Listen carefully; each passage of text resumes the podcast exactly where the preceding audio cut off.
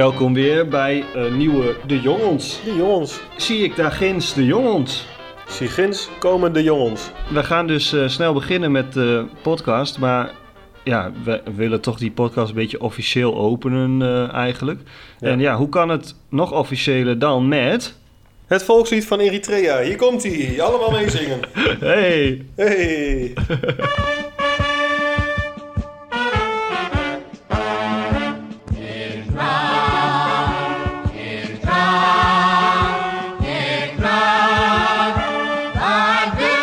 Dit is niet algemeen beschaafd Eritrees als ik het zo hoor. Het Dit is elitair Eritrees. is een beetje uit de hoogte, maar dat hoort een beetje erbij, hè?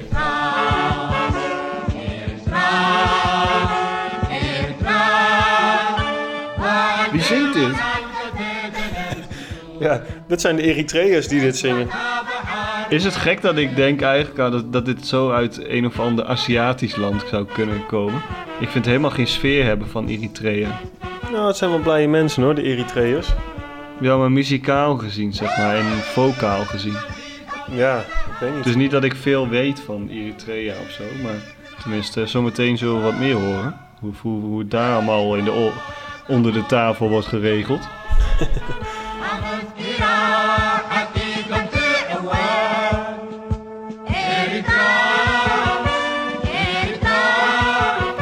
Ertra, zeggen ze. Dat is Eritrea, Ja. denk ik. Ja. Ertra. Dus een vrouwen en mannen wordt dit gezongen, hè? Ja, ik vind die vrouw vind ik, vind ik dominant in de mix. Had wel even iets meer uitgebalanceerd. En die panning die staat ook een beetje naar de links, of niet? Of lijkt dat zo? Ik ga het even Google Translaten dit. Ik wil weten wat ze zeggen over Ertra. Vertalen uit het Igbo, zegt hij. Oh, is dat de taal? Weet ik niet. Igbo. Ja? Naar het Nederlands. Huh? Wat? Ertra, Ertra, dat is een slecht idee. En hier staat... Ertra zal morsen. hey, ik zie het helemaal niet. Oh, wacht even hier. Eh, Igbo naar het Nederlands. Het is een het-toestel in Noordoost-China. Er wordt toch China genoemd, hè? Ik zei al, dit heeft iets Aziatisch. En ook het toestel wordt genoemd van die... Van die vrouw. Het toestel van die vrouw die wat hoog in de mix zit. Want die komt natuurlijk met een toestel naar de studio om, om dat in te zingen.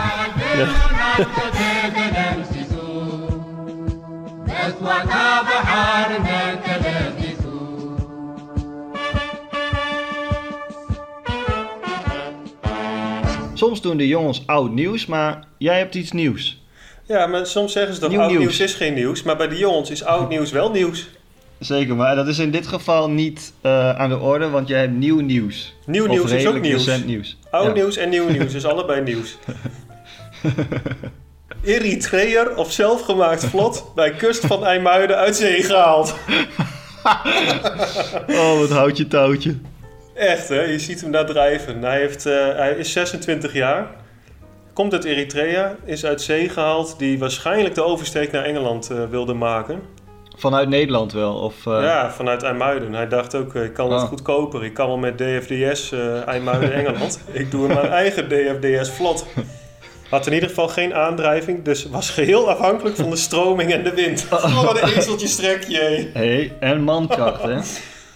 Ja, mankracht, maar ik weet niet of hij een pedal heeft. Het stond er niet bij. Staat dat erbij? eh, Hij was volledig afhankelijk van de stroming en de wind. Ja, staat hier letterlijk. Wat willen ze dit wel houtje touwtje vent laten, laten Dat is toch, dat is toch een beetje knutselen en dan denken dat je die oversteek kunt maken.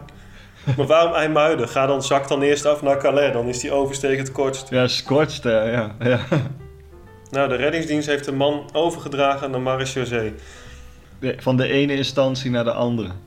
Nee, dat wordt een heel politiek verhaal misschien wel. Ja, misschien niet. Misschien was het een wedstrijd van ja, een beetje zo'n weddenschap de avond ervoor. Waar ze nog in Eritrea daar een beetje hangen in die cafés daar. Van eh, ja, ik weet dat ik eh, eerder de oversteek kan maken dan jij. Nou, die, die hebben zich allemaal verspreid langs de kust. Als, als geallieerden gingen ze met eigen gemaakt spul een beetje. Een bij IJmuiden, de ander een beetje bij Middelburg, daar Vlissingen. Allemaal van die talantenzeeën in de lucht, van die wacky races eh, voertuigen. Ja, de ene die moest met een eh, watervoertuig, de ander met zo'n vlot onaangedreven eh, voertuig. Andere moest met een, met een helikopter onaangedreven. Zelf met fietsen en met die weekend dat dat een beetje zo draait. en nog iemand moest met een schans, dus die moest een aanloop nemen en dan met zo'n schans. En, en de laatste moest met zo'n kabelbaan, dus die moest eerst zo'n kabelinstructie, eh, eh, constructie bouwen. En dan moest dan schuin aflopen naar Engeland. Nou, dat... eh, ik weet niet of dat gelukt is. Het Verenigd Koninkrijk. Hoe heet die presentator toch ook weer, die van Ter Zee in de lucht? Bert Kruisinga, volgens mij. Oh ja, maar je had ook dinges, hè? Die eh, Ron Boshart, die nog meer op Carlo Boshart lijkt dan Carlo, Carlo Bossart zelf. zelf, ja. ja, die Ron Bossart. Ja, die is ook aan het bijklussen al jaren hè, in dat Zee in de lucht. Ik denk dat eh, Ron Boshart een dealtje heeft gemaakt met Eritrea. Gewoon even stimuleren om dat spul hierheen te halen en dan even die wedstrijd te organiseren. Ja, heeft helemaal niks met politiek te maken. Dit, dit is puur nee, nee. liefhebberij. Dit is gewoon hobby. Want, eh, maar Ron Bossart is natuurlijk... eh, is, ik vind Ron Bossart ook wel een beetje een workaholic dan, hè? Slaat een beetje door. Want hij doet dit ook buiten het programma om. Regelt hij ook die dingen een beetje onder de tafel. Van ja, zullen we dat dan doen? Een beetje die wedstrijden. Zo, ja, zo, zo buiten de tros om. Afro-tros. Ja, staat, dit, gaat, dit is belangenverstrengeling, hè? Maar goed, ja, de Eritreër is inmiddels eh, dus bij de Over de Marse brug. Zee. Ik weet niet of hij vastgezet is of dat hij teruggestuurd is. Of, eh, ja. Is in ieder geval gedisqualificeerd, denk ik zo. ja, zeker. Ja. Want ze wil een beetje die exposure. Ja. Daartussen die eh booreilanden en... ja, tussen natuurlijk DFDS door, hè? Ik bedoel, dat is, dat, die, die moest gewoon varen. Oeh, dus er is nog een partij involved. Ik denk dus dat ze vanaf de DFDS hebben gespot met verrekijkers. Zo van, Daar komt hij, Ja. de Eritreër. daar, daar, daar, daar heb je hem. Daar heb je hem, de Eritreër. Goh, de Eritreër uit Eritrea. Met hoofdstad Asmara. Is dat zo? Ja, heb ik even gauw opgezocht. Dan wil ik er ook wat van weten. Want ik zie het liggen in een gebied, denk je, nou, dat is ook niet heel stabiel om daar met je vlot te gaan varen. Ja, het nodigt ook niet uit, hè, om een beetje met je vlot op de Rode Zee daar te gaan eh, hangen. Ik snap wel dat je kiest voor frisse, Scandinavische wateren, laat ik het zo zeggen. Internationale wateren. Ja. Dat is ook zwaar, hè? ja, dat is een heel zware term. Maar ik denk wel dat, dat het internationaal even benoemd is ook. Die Eritreër die daar op zijn vlot eh, ging. Daar, daar, daar komt de Eritreër, begeeft zich in internationale wateren. Slechts gemonitord door Ron Boshart. Ron Bossard met zijn eh, hobbymatige radarinstallatie vanuit huis buiten Afrotros om. Gewoon Ja, Bossard. Hij is rook gegaan vanaf de Avotros. maar goed, die, eh, de Eritreër is het dus helaas niet gelukt. Volgende week een ander iemand. De Ethiopiër. Volgende week de volgende kandidaat, de Siberiër. Volgende week na de Siberië de nieuwe kandidaat, de Scandinaviër. Na de Scandinaviër begeeft een nieuw individu zich richting internationale wateren, de Belgiër. Heel casual. Daarna is het de beurt aan de Mozambieker. en daarna hebben we een wereldkampioen uit eh, nog een onbekend land. De Mozaïker. Goh, en dan hebben we de week erop een van de laatste kandidaten voor het huidige seizoen. Daar komt hij aan met een zelfgemaakt vlot zonder aandrijving. De Burkina Fasoer. En het eh, seizoen wordt afgesloten door een special guest in de bonusaflevering. De Fukushimaer. De jongens. De Met drie armen, met drie armen. Tjus met hij. Tjus, man. De straling geïnfecteerden. De jongens. Nou, als we in, in internationale wateren eh, toch zitten nu... kunnen wij nog wel even iets verder duiken naar andere internationale wateren. Gaat het over... Gaat het over, over Bibi Suryani internationaal? Het is even rustig hè, rond de kleine piano virtuoos. Qua nieuws. Maar ik denk dat hij ook druk is met eh, pompen of verzuipen voor hem. Dat, eh, hij, hij staat druk met die pomp daar heen en weer met die Mickey Mouse handschoenen aan. Met die pomp. Die man die staat zo diep onder water. Die komt gewoon echt aan de andere kant van de wereld weer uit in internationale Ja. water. Hij is, hij is ook druk met de deur open doen, al die deurwaarders. Hij heeft zo'n eh, scharnier dat die deur die kan telkens 360 graden gewoon doordraaien telkens. die deur draait gewoon telkens door, de deur draaien. Die deur die is nooit dicht. S'nachts ook de tocht. De tocht in zijn huis. Die draait gewoon de hele tijd door. Al die deurwaarders in en uit met de, met de klok mee. Goh, er komt volgende week ook iemand die toch als bonus guest even op zijn vlotje probeert over te steken. Het is de Wibi Surya Dier. Bibi Saoediër.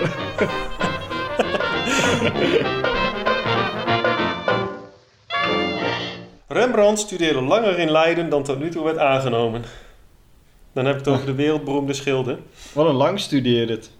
En heel erg lang studeerde het. Rembrandt van Rijn heeft langer lessen aan de Universiteit Leiden gevolgd dan werd aangenomen. In het archief van de universiteit is een document gevonden waaruit blijkt dat Rembrandt bijna twee jaar ingeschreven stond bij de letterenfaculteit. Dat was nog niet bekend. Dus volgens mij heeft die man nog een studieschuld in te wassen. Ik denk dat hij de hele OV-jaarkaart moet terugbetalen nog aan, eh, aan Duo. Alles. Hij die, is ook niet, ik weet niet of hij afgestudeerd is, maar volgens mij is die lening ook niet omgezet in gift. Dus moet hij ook terugbetalen. valt, valt hier even iemand door de mand? Nu komt de echte A van Rembrandt uit de mouw. En een beetje schilderen hè, ondertussen. Dan denk je gewoon je tijdverdrijf niet naar de letterenfaculteit. Ik wil net zeggen, je hebt... ja, had wel 80% aanwezigheidsplicht op de Unie, maar is niet komen opdagen. Hij was er nooit. Mensen zeiden ook altijd, goh, die Rembrandt, eh, waar blijft die man toch? Hij zou komen. Ja, maar zijn OV-kaart was natuurlijk geblokkeerd. Want op een gegeven moment kregen ze door dat hij eh, twee adresjes stond ingeschreven voor die uitwonende bus. dus dat, eh, ja, ik vind dat echt minder van Rembrandt. Want volgens mij was hij in zijn tijd wel een gerespecteerd schilder al. Dus hij had, en hij verdiende bij met duo. En hij verdiende erbij door een beetje bij te klussen als schilder. En een beetje de boel oplichten. Ook, ik hoorde ook dat hij, dat is, dat is een gerucht meer, maar dat hij ook een beetje met de toeslagen aan het klooien was. Want hij kreeg natuurlijk huurtoeslag. Omdat hij zogenaamd ergens anders stond ingeschreven. Dus volgens mij staat die man duizenden euro's guldens in de schuld. Bij Duo. Oh, en uh, opkomen dagen voor tentamens? Nee. Nou, hij kwam nergens voor opdagen. Ging hij, vind je, een beetje nonchalant om met gewoon het hele studenten... eh, de, de verantwoordelijkheid die ook erbij komt als je, als je student bent eigenlijk? Maar ja, verantwoordelijk. Ik, ik, ik vind het woord verantwoordelijk en Rembrandt van Rijn kun je in één zin niet noemen. ik denk dat Rembrandt van Rijn, die, die, dat was gewoon, die, had, die had er geen zicht op hoe dingen in elkaar st- hoorden te steken. Fictie, non-fictie, hij zag het allemaal niet. Totdat het om de euro's of guldens ging. Dan wist hij het in één keer zo goed. Enig, hij was al om bij... Hij was, bij, hij was al om bij twee woorden. Lage rente. Nou, volgens mij niet eens bij twee woorden. Het was lage en toen R en de E. En toen dacht hij, oh, dat moest bedoelen ze vast rente. Klik en hij had al aangevraagd. Maximale beurs, collegegeld krediet, hij vroeg het allemaal aan.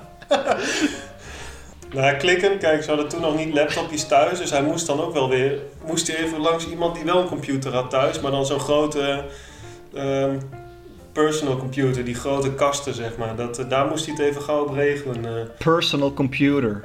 personal computer van Rembrandt van Rijn. Rembrandt, Rembrandt's personal computer. Breakfire from Rhine.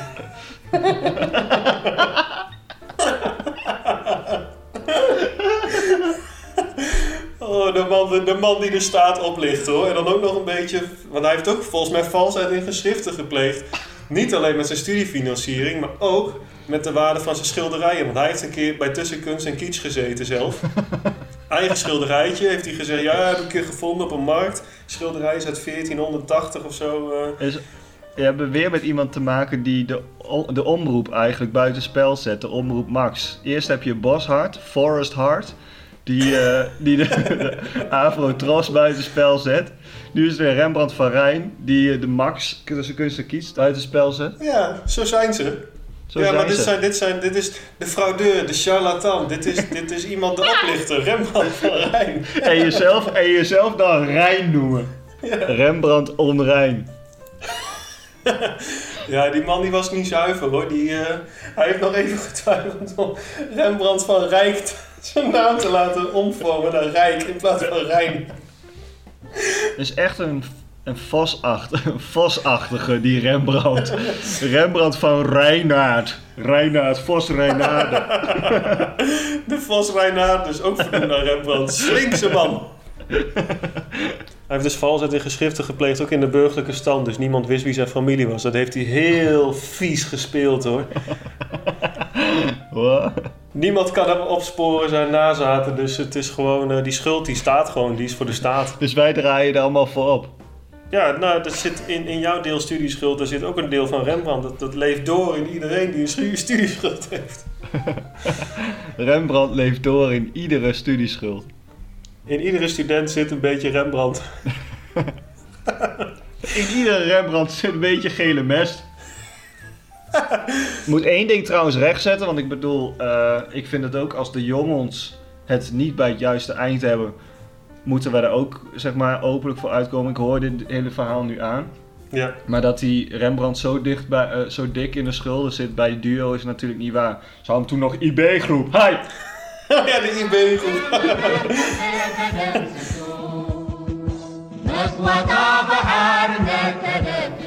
Toen kom ik eh, ter, ter afsluiting dan nog een eh, bericht tegen.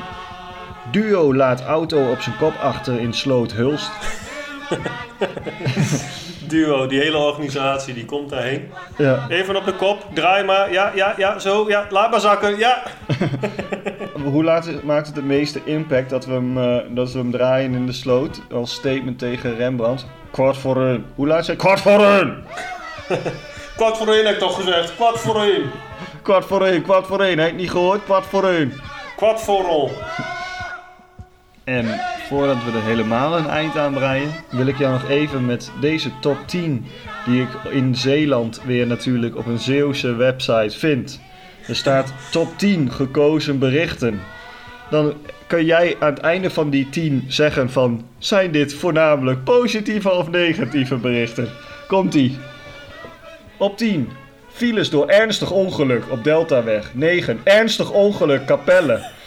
8. Traumaheli voor kinderreanimatie. 7. Schip gezonken Westerschelde. 6. Zwaargewonden bij ongeluk. 5. Muziekfestival overvallen. 4. Autocrash na doorrijden na ernstig ongeluk. 3. 3 gewonden bij ernstig ongeluk. 2. Geen treinen vanwege fatale aanrijding. En 1. Dodelijk ongeluk. Weg dicht. Oh, negatief. Doei, de jongens. Oh, oh.